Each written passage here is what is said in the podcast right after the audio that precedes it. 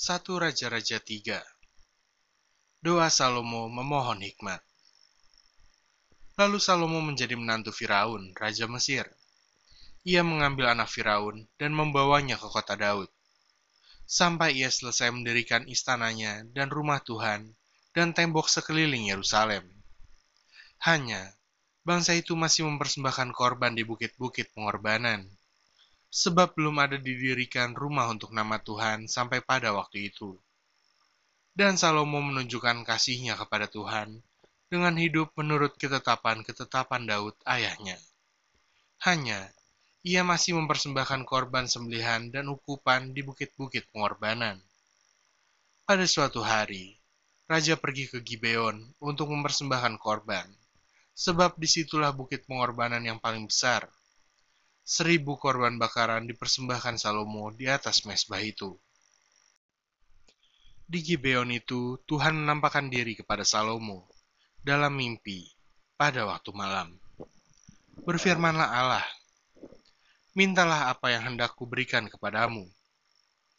Lalu Salomo berkata, Engkaulah yang telah menunjukkan kasih setiamu yang besar kepada hambamu Daud ayahku, sebab ia hidup di hadapanmu dengan setia, benar, dan jujur terhadap engkau.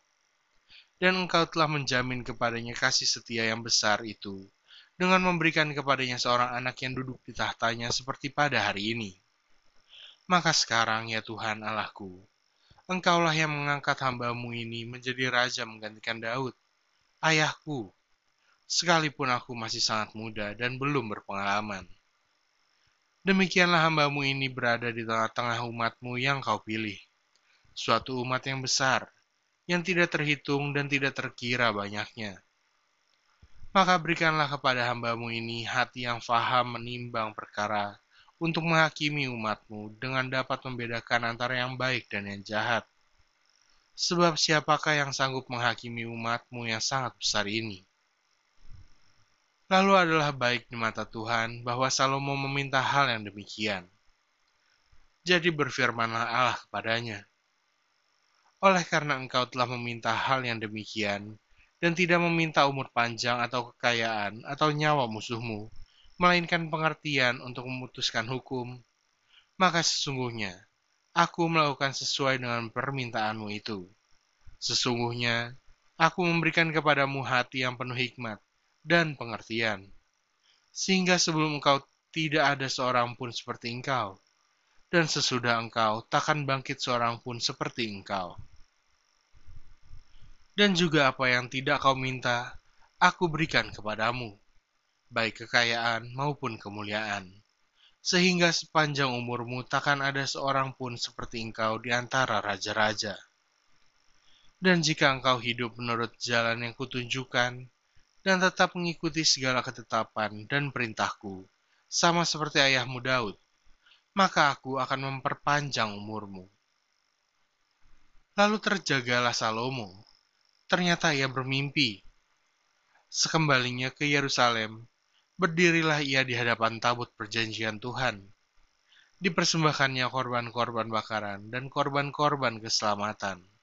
Kemudian ia mengadakan perjamuan bagi semua pegawainya.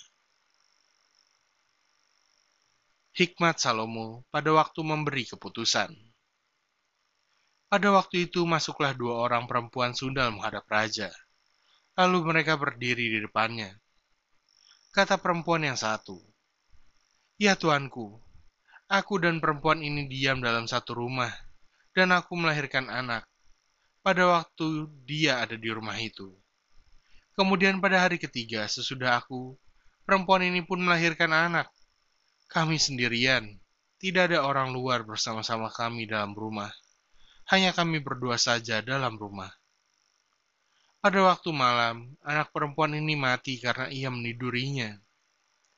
Pada waktu tengah malam, ia bangun, lalu mengambil anakku dari sampingku, sementara hambamu ini tidur. Dibaringkannya anakku itu di pangkuannya, sedang anaknya yang mati itu dibaringkannya di pangkuanku. Ketika aku bangun pada waktu pagi untuk menyusui anakku, tampaklah anak itu sudah mati. Tetapi ketika aku mengamat-ngamati dia pada waktu pagi itu, tampaklah bukan dia anak yang kulahirkan.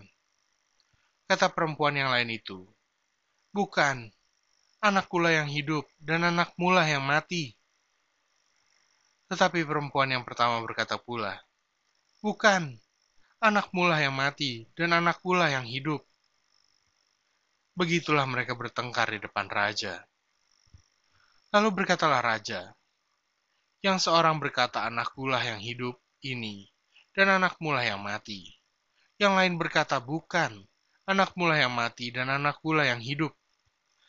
Sesudah itu raja berkata, ambilkan aku pedang. Lalu dibawalah pedang ke depan raja.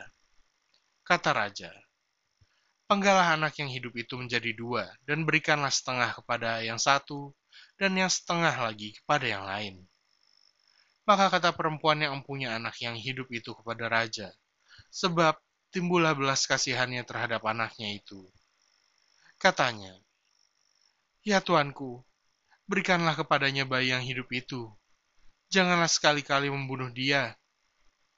Tetapi yang lain itu berkata, supaya jangan untukku ataupun untukmu. Penggalah.